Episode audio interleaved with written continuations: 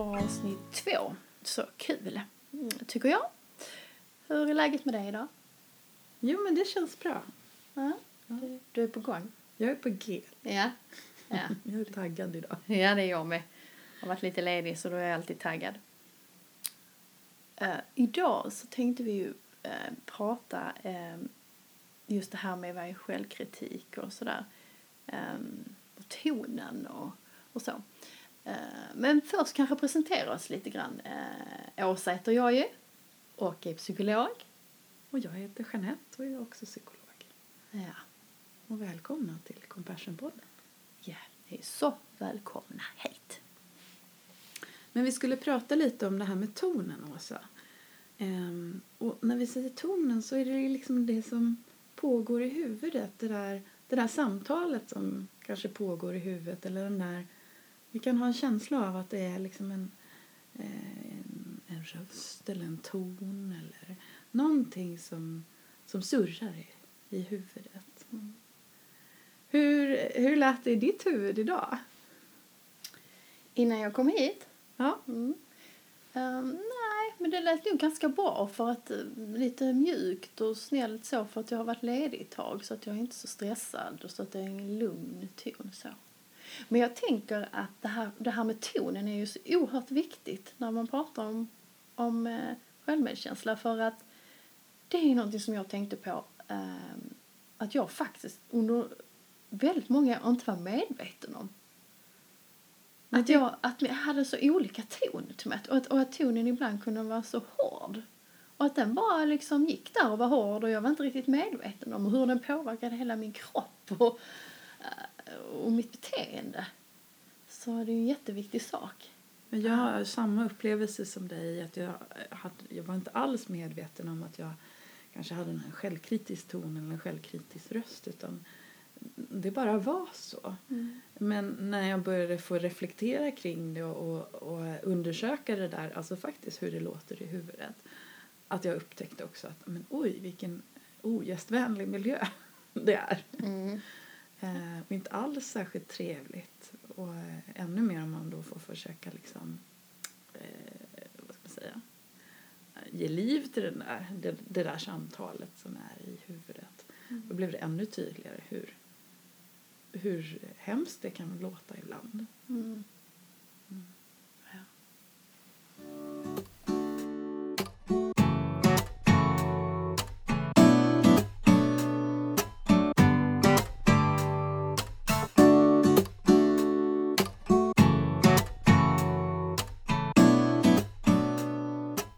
Berätta en sån rolig grej som, som jag tänkte på, som jag fnissade åt själv.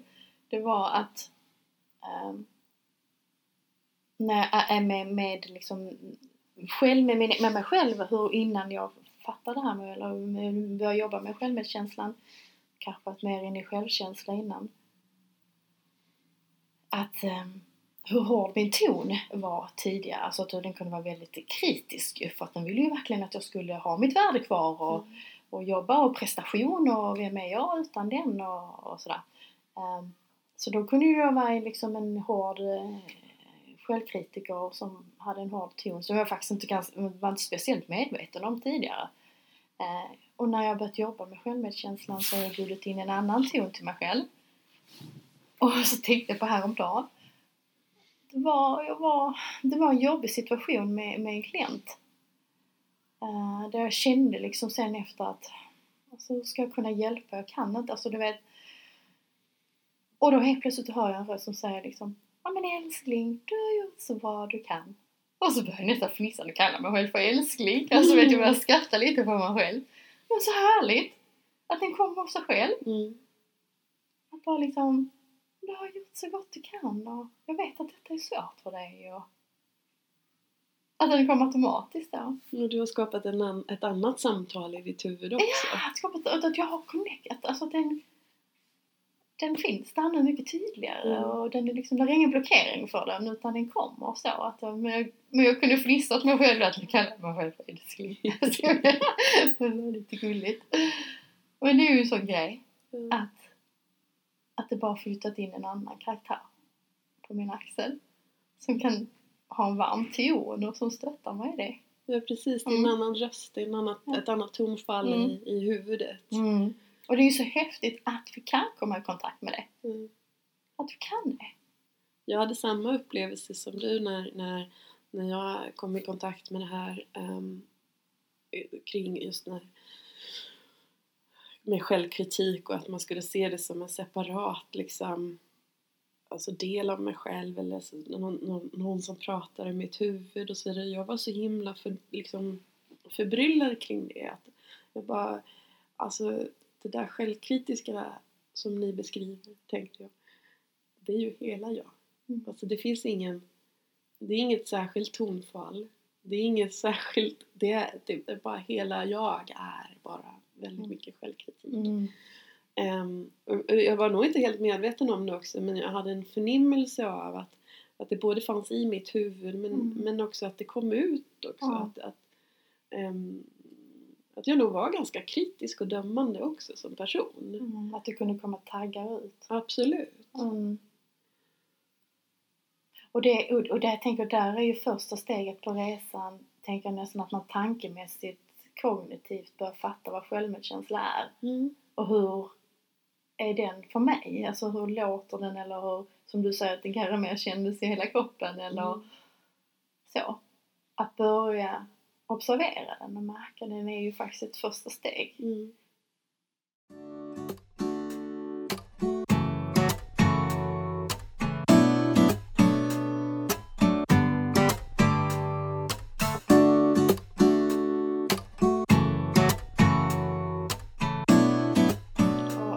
Alltså, förstå vad självmedkänsla är och hur, hur den... eh, Har jag kontakt med den eller... För att om vi går in på självkritik då, självkritikern som vi har nämnt och som Mm. sitter. Ehm, och då vill vi ju kanske förtydliga lite liksom vad är självkritik och, och varför har vi det? Det finns ju inom oss alla. Alltså Mm. det kan vi ju säga direkt att, att bli av med det, eh, det är inte mission. Utan vi har alla tankar. Vi har alla slags tankemönster. Eh, det vi vill jobba med är att den inte ska ha så mycket makt i vårt liv. Att den bara kanske, om man inte vet vad självmedkänsla är och den kan ju, den ju ostört bara styra en. Mm. Eh, men om, vad skulle du säga, varför har vi självkritik? Men eh, det, är faktiskt en intressant grej att, att, att reflektera lite kring varför vi har självkritik. Och, för den har ju någon gång i alla fall haft en funktion i våra liv. Jag tänker att vi, vi skapar inte saker för att göra livet svårt för oss. Utan någon gång har den ju hjälpt oss på något sätt. Alltså att kanske att, att ja, nu, att plugga lite hårdare eller för att vi kanske slappade lite för mycket. Den, den har liksom hjälpt oss igång med någonting. Sen har den ju kanske också eh, blivit eh, alldeles för kritisk eller har kanske metoder som inte hjälper mig framåt. Så jag tycker att det är ganska viktigt att få reflektera kring vad det är, alltså typ vad har den för funktion i mitt liv? Mm. Alltså typ lite sådär, vad har den för Mm. jobbeskrivning om jag Mm. skulle säga att den Mm. hade en jobbeskrivning? Ehm, vad, vad har den för arbetsuppgifter i, Mm. mitt liv? Ehm, Men om jag tänker att, om vi säger rent generellt först, alltså för mänskligheten. Alltså varför finns den liksom så att den har, alltså att vi har den i vår hjärna så.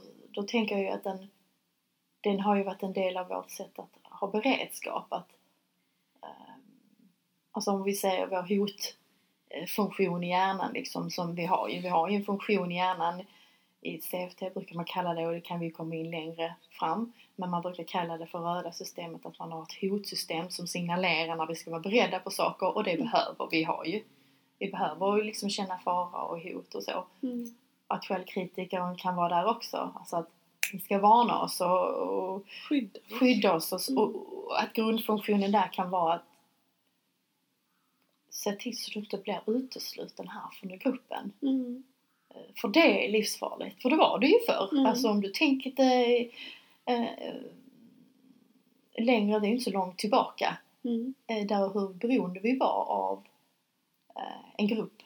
mm, Släng inte ut mig här liksom från grottan eller savannen eller från eh, Ja men som kvinna klarar du inte dig själv om du var, hade bero, alltså var, det var ju inte så länge sedan. Mm. Man, vi var väldigt beroende, vi var inte så självständiga som vi var är nu. mm.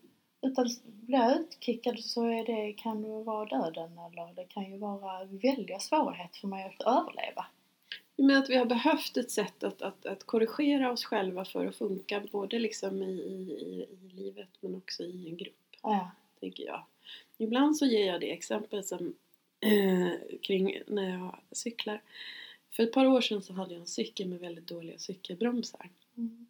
Och varje morgon när jag satte mig på cykeln och skulle cykla till, till jobbet så kom den här självkritiska rösten upp i mitt huvud. Eh, och den, den säger ja, men din dumma idiot, varför har du inte fixat cykelbromsarna? Mm. Eh, och jag puttade bort det, ignorerade, cyklade på, blev mer och mer stressad av det här för det bara liksom fortsatte att liksom eka i huvudet. Så här, Hur kan du vara så jävla oförståndig? Hur kan du vara så... Ja, jag vet inte. Mm. Hur kan, hur, hur kan du inte liksom ha mer vett i huvudet? Och Mm. tänk om det blir en bilolycka Mm. nu och du kommer dö liksom. Eller, eller bli paralyserad för resten av ditt liv. Mm. Hur ska du sitta och se tillbaks på det här? Vad fan tänker du? Mm. Alltså det bara fortsätter Mm. hela vägen till jobbet. Och när jag väl kom fram till jobbet så mådde jag ganska dåligt. Mm. Och jag ville helst bara liksom låtsas som om att, att, att cykeln inte fanns och allting. Så, så det där höll på varje dag. Mm. I, i, I månader. Det gjorde mig inte mer motiverad till Mm. att ta cykeln till cykelhandlaren och fix, fixa cykelbromsarna. Det så din hjärna tänkte att den gjorde en tjänst. Det här är farligt. Nu måste vi liksom hårt kritisera henne här. Precis. Ja. Men det motiverade mig inte. Nej. Utan jag satte mig på den här cykeln varenda morgon. Och försökte undvika det här. Mm. Och låtsas som om att det inte fanns. Mm. Tills jag en morgon satte mig på cykeln och tänkte så här. Nej, så här kan vi inte ha det. Mm. Och det var min självmedkänsla som Jag kopplades vill på ta här. hand om själv. Jag kan inte fortsätta att gå igenom den här stressen varje morgon. Det här kritiska kommer upp. Varför i helvete har du inte fixat cykelbromsen? Och jag säger till mig själv. Nej, det har jag inte. Tack för varningen. Mm. Jag vet att det är dumt. Men jag tar ansvar för det nu. Mm. En annan nu tur. räcker det. Och sen fixade jag ju bromsarna. Ja. Men någonstans så behövde jag på något sätt också Ja. ha den här inre dialogen Ja. med mig själv. Att nej men det här, jag gör, jag gör så här nu. Och jag är fullt medveten om Mm. riskerna. Tack för att du varnar mig. Mm. Så jag hade koll på funktionen av självkritiken. Jag en förstod, att, ja, precis, jag Mm. förstod att, att, Mm. att den ville ju varna mig. Mm. Och så bara, men nu räcker det. Mm. För nu har jag gjort ett väldigt medvetet val här. Att jag tänker Mm. cykla även om jag har dåliga bromsar. Det är okej. Den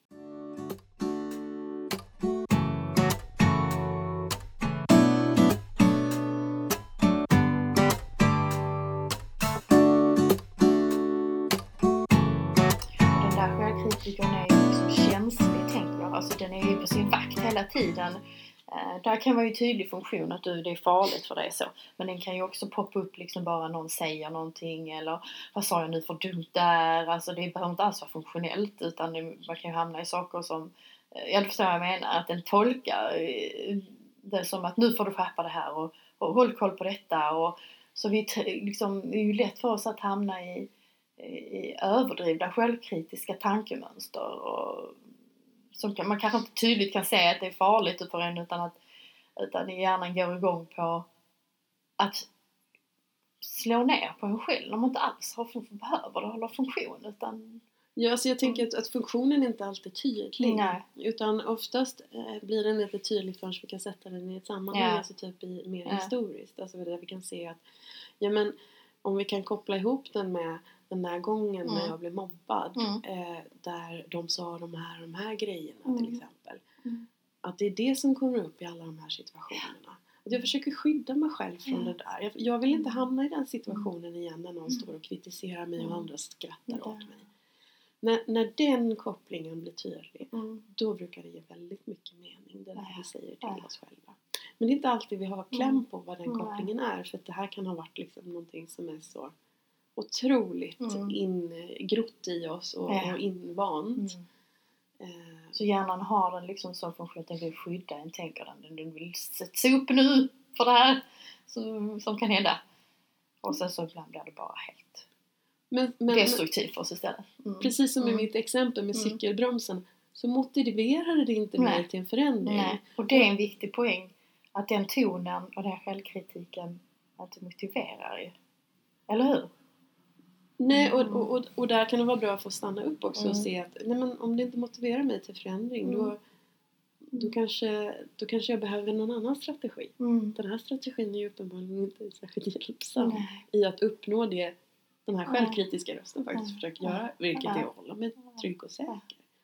Så därför är det väldigt lätt för oss människor att hamna i självkritiska mönster utan att vara så medvetna om det ibland. Mm.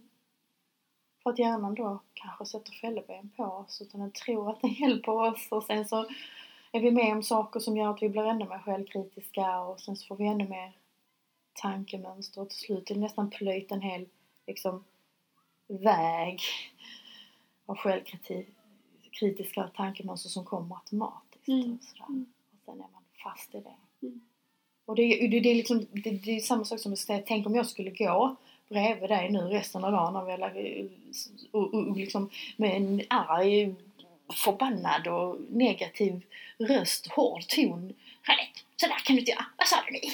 Fy fasiken, hur ser du ut i detta du har på dig? Alltså att jag skulle ha, ha, gå runt med det. Du kan ju tänka hur hela du rent fysiskt reagerar och hur du liksom dåligt man mår av det. Man, man skulle ganska snabbt börja tystna och Ja, då börjar man ju och förstå, liksom, tänka att liksom, tänk om jag skulle gå bredvid dig och göra det. Mm. Hur icke-funktionellt det är. Det motiverar ju inte, stöttar ju inte dig någonting. Du mår ju bara skit. Och hjälper inte Nej. kanske att, att ja, Mm. men du vet, Mm. kanske vara social om det Ja. är det jag vill eller Så, så, vi- så, så många gånger kan det ju handla om att avslöja sin självkritiker. där. Mm. Och då göra det på ett vänligt sätt. Mm. För att förstå att hjärnan vill ju inte illa egentligen.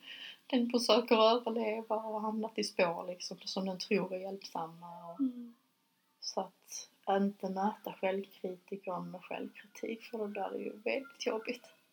Nej, det är ju bara att elda på någonting som Ja. redan inte funkar liksom. Ja. Så, det, så därför det, vi har det, därför det är lätt att vi fastnar i det. Och tänker också just om vi kommer in på det här med prestationsinriktat samhälle så sätter det ju liksom tankemönster om vad, om vi kopplar det till självkänsla igen, så handlar, handlar det om att vi sätter väldigt höga normer och själv, höga tankar om värderingar, förväntningar på hur jag ska vara som människa för att ha ett värde. Mm. Och om de är social media influerade liksom, eh, vilket många har idag, Mm. Även i vår ålder med tonåringar och sånt som blir matade flera timmar om dagen om hur så här ska man se ut, så här ska man göra, det här ska man jobba med eller så. Vår hjärna är ju inte skyddad för det utan det tar ju in de tankemönsterna och skapar någon slags norm som vi inte kan nå, som är en illusion. Och kan vi inte nå den blir vi självkritiska. Så whoop, så lätt det är för oss att hamna i de mönsterna. Jo, då, då möter vi oss själva, vi tittar oss själva i spegeln eller vi ser hur vi lever våra Mm. liv och så ser vi det här. Mm. Typ, ja, alla andra som, som jag ser på Instagram Mm. verkar ha det här livet Mm. väldigt långt ifrån Mm. det jag upplever själv. Alltså mitt, Mm. mitt, mm, man säga, mitt faktiska jag är ju Mm. väldigt långt ifrån den där Ja. idealbilden. Mm.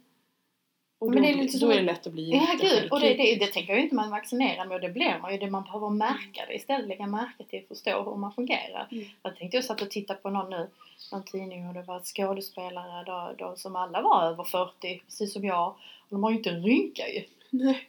Och de är pinsmala och inte en rynka och då tänker man så bara shit vad snygga de är för att vara över 40 liksom. Och så, uh, alltså så där ser ju inte riktigt verkligheten ut om man inte, ja, ja du förstår vad jag menar. Att, att det blir ju illusioner som, som skapar tankemönster som sen blir självkritik. Men det där går så snabbt. Den där, den, den där bilden hamnar ju Ja. i oss väldigt snabbt. Ja, det, ja. Och jag tänker, ska vi skapa en annan bild, alltså typ en mer nyanserad bild av de Mm. här eh, or, orynkiga 40-åringarna. ehm, då måste vi göra ganska mycket tankeprocess. Ja, alltså så. fundera över Ja. retuschering och, och så vidare. Mm, för att den här hot, fara, är väldigt, väldigt snabb. Mm. För den ska vara i beredskap. Mm. Så du kan tänka dig så snabbt du kommer in till negativa kritiska tankar till oss själva. Mm. De hinner ju inte gå den långa vägen i hjärnan genom, alltså vid pannloberna här framme där vi har liksom känslor, sortering, reglering och, och liksom hinner liksom få medvetenhet om vad är det jag tänker och känner och så utan det är bara pang rätt in i farsystemet och sedan självkritik. Mm. För att det går så snabbt. Så att det gör oss lite korkade när det går så snabbt. Vi hinner ju inte riktigt processa alltså perspektiven eller är det här en illusion eller utan det går så snabbt rätt in i i hjärnan. Utan vi behöver ju liksom kanske ibland eh, reflektera, ta in det och Mm. sådär. Mm. Och vi har dessutom ett samhälle som går väldigt snabbt. Oh, ja. Så att det, Mm. det, ges ju inte heller chansen till att kanske Nej. göra en annan Mm. typ av bild eller Mm. bearbetning. Nej.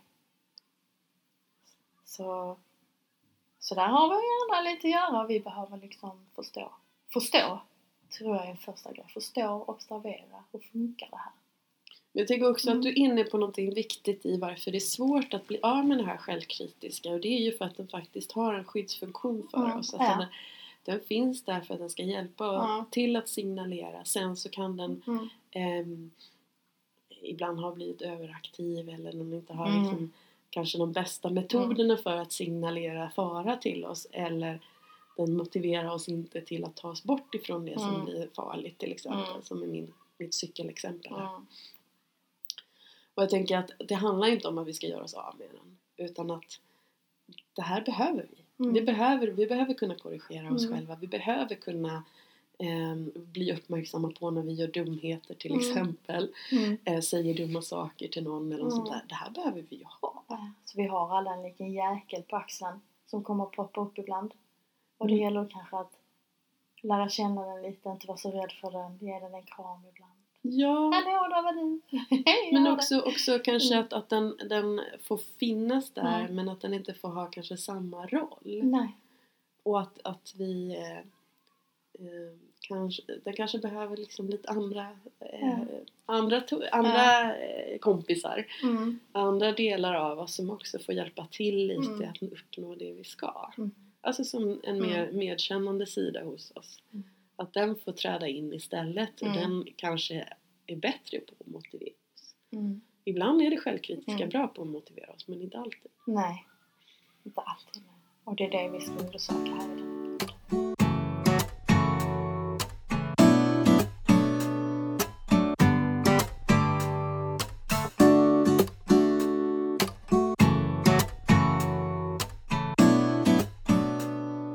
Vi närma oss slutet här av, ehm, av um, poddavsnitt två. Eh, jag tänker om jag summerar det lite så mm, har vi ju kommit in på det här det viktiga med tonen. Vad självkritik är och varför vi har det. Och um, att vi... Ehm, det kan vara svårt att släppa taget om den och att den liksom har blivit ett sätt att kontrollera oss och liksom att vi kan vara rädda för att släppa taget om den. Eh, och därför tänker jag göra en övning här med er som heter löptävlingen. Där jag skulle vilja att ni ska föreställa er. Föreställa sig är ju en väldigt bra kraft. Där vi kan komma i kontakt med känslor.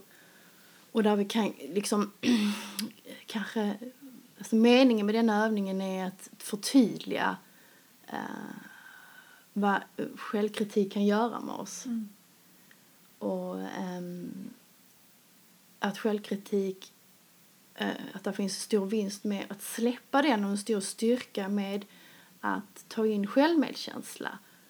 Eh, och att självmedkänsla är, är inte en svaghet som man kan tänka i början när man börjar jobba det med att oh, om jag nu ska släppa det här, hur ska det bli? Hur ska jag klara att prestera eller eh, bete mig? Mm. Eh, utan att självmedkänsla är en enorm styrka som kan göra att man klarar av mer prestationer och klarar av att bli mer hållbar och att man har en mycket trevligare miljö för sig själv på resans gång.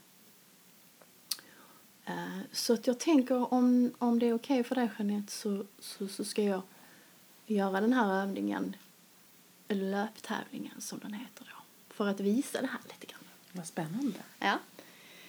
Så att, jag tänker att vi börjar med att vi sätter oss bekvämt till rätta.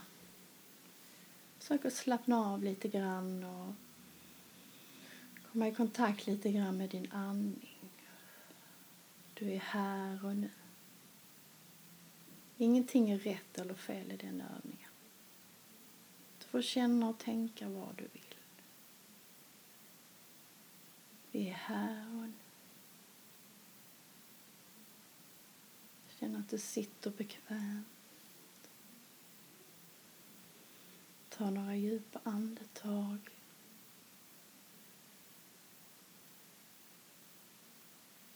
Och nu skulle jag vilja be dig att du föreställer dig min son, 12 år, en glad sprudlande liten blond kille. Han tränar friidrott. Tycker det är roligt. Han har tränat inför en tävling nu i flera månader. Han har kämpat och han har tränat. Och så ska det då vara tävling. Och alla är där och tittar. Vi är där. Hans vänner är där. Det är en viktig tävling för min son. Han ställer upp. Och startskottet går. Han springer. Oj, oj, oj. Han springer på. Det går jättebra. Han leder. Och vi hejar på honom. Precis innan mål så trillar han. Och han förlorar loppet. Och han ligger där. Alldeles förstörd. Nu skulle jag vilja att ni föreställer er att jag, hans mamma, kommer fram till honom med snabba steg. Jag ser arg ut. Jag har en hård ton. Jag skriker till honom att han är värdelös. Hur fasiken kunde han misslyckas med detta? Han som har tränat så länge. Och alla som tittar på. Och kan han bara inte lyckas? Det är ju förfärligt. Hur kan han? Hur känns det här? Vad gör detta med min son? Kan ni se han framför er? Hans blick, hans kropp. Hur känns det inom dig? Den här vassa tonen. Tar du honom framåt? Hjälper du honom?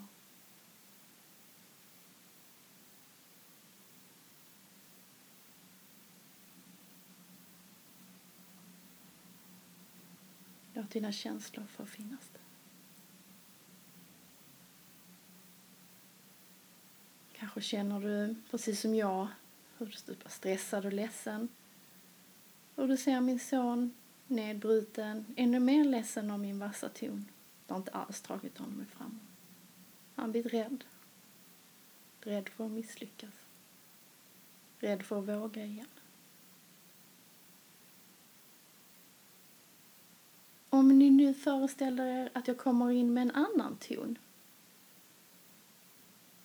Att jag går fram till honom med en mer själv, alltså lite medömkande ton. En ton som låter så här. Tänk att han ligger där och så kommer jag och så säger jag, men lille gubben. Åh, vad, vad sa jag innan? Det är ju inte så bra att tävla och, och sånt här. Det det är för jobbigt och det är så jobbigt när alla ser och jag tycker så synd om dig och plutten. Du behöver aldrig göra om detta igen. Det behöver du inte. Kom med mig här nu så ska jag åka vi hem och dricka varm choklad. Du behöver inte göra någonting mer sånt här igen. Usch, nej. Gör vi inte. En medönkande ton.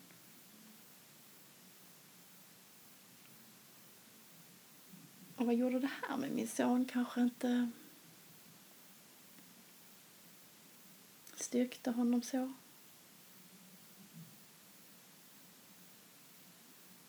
Och då tänker jag att om ni föreställer er att vi tar in en tredje ton. En medkännande ton. Inte en medömkande ton, utan en medkännande ton. Att jag går fram till min son när han ligger där, sätter mig på huk bredvid honom och säger Jag förstår dig. Jag förstår att detta är jobbigt. Jag har sett hur du har kämpat. Det är helt okej okay att du är ledsen. Jag tar hand om dig. Jag finns här. Jag kommer att hjälpa dig. Det är helt okej att du trillar, ibland gör man det. Jag finns här för dig. Jag älskar dig oavsett. Och behöver du min hjälp så finns jag här. Det är helt okej. Helt okej att gråta och vara besviken. Jag förstår det. Jag finns här. Jag vill att ni föreställer en varm ton. Hur kan det? Hur ser min son ut i det? Kan det hjälpa honom på ett annat sätt? Finns det en skillnad? Kan ni se styrkan i medkänslan? Skillnaden i hur vi pratar till oss själva och hur vi lär våra barn.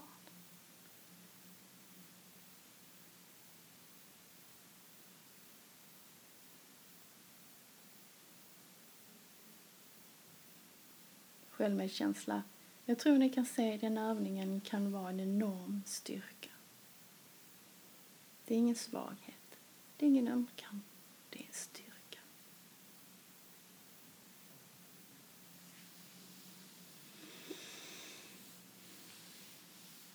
Och vi kommer tillbaks till detta rum. Slå upp våra ögon.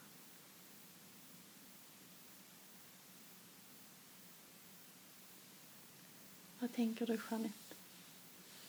Och det var väldigt spännande att få, få göra, få skifta mellan de här olika. För jag märkte det här väldigt eh, kritiska liksom, grep tag i mig och, och närmast skar i bröstet på mig. Och det kändes, alltså jag fick rysningar. Det kändes obehagligt att ens behöva på något sätt bevittna det här. Eh, och eh, när sen den här oroliga mamman kom, eller den här, så här medömkande, medlidande mamman kom, då kände jag hur jag blev väldigt rädd. Alltså typ att det bara kändes som om att, att världen var en farlig plats. Och i den sista mamman eh, det var spännande att se liksom hur motivationen ökade. Liksom. Så här, men det går att göra igen. Det var väldigt häftigt att se de här olika skiftningarna. Det går, det går liksom att trilla och, och försöka igen. Ja. Så där kan man ju se, alltså man föreställer sig så kan man ju se också rent fysiskt i kroppen känns det helt olika. Mm. Tankemässigt blir det helt olika. Beteendemässigt blir det helt olika. Mm. Beroende på tonen. Mm. Och det är så häftigt att se att det faktiskt ger eh, en skillnad bara på grund av tonen. För situationen är ju densamma, tänker jag. Ja. Men att det, det gör någonting med oss. Mm.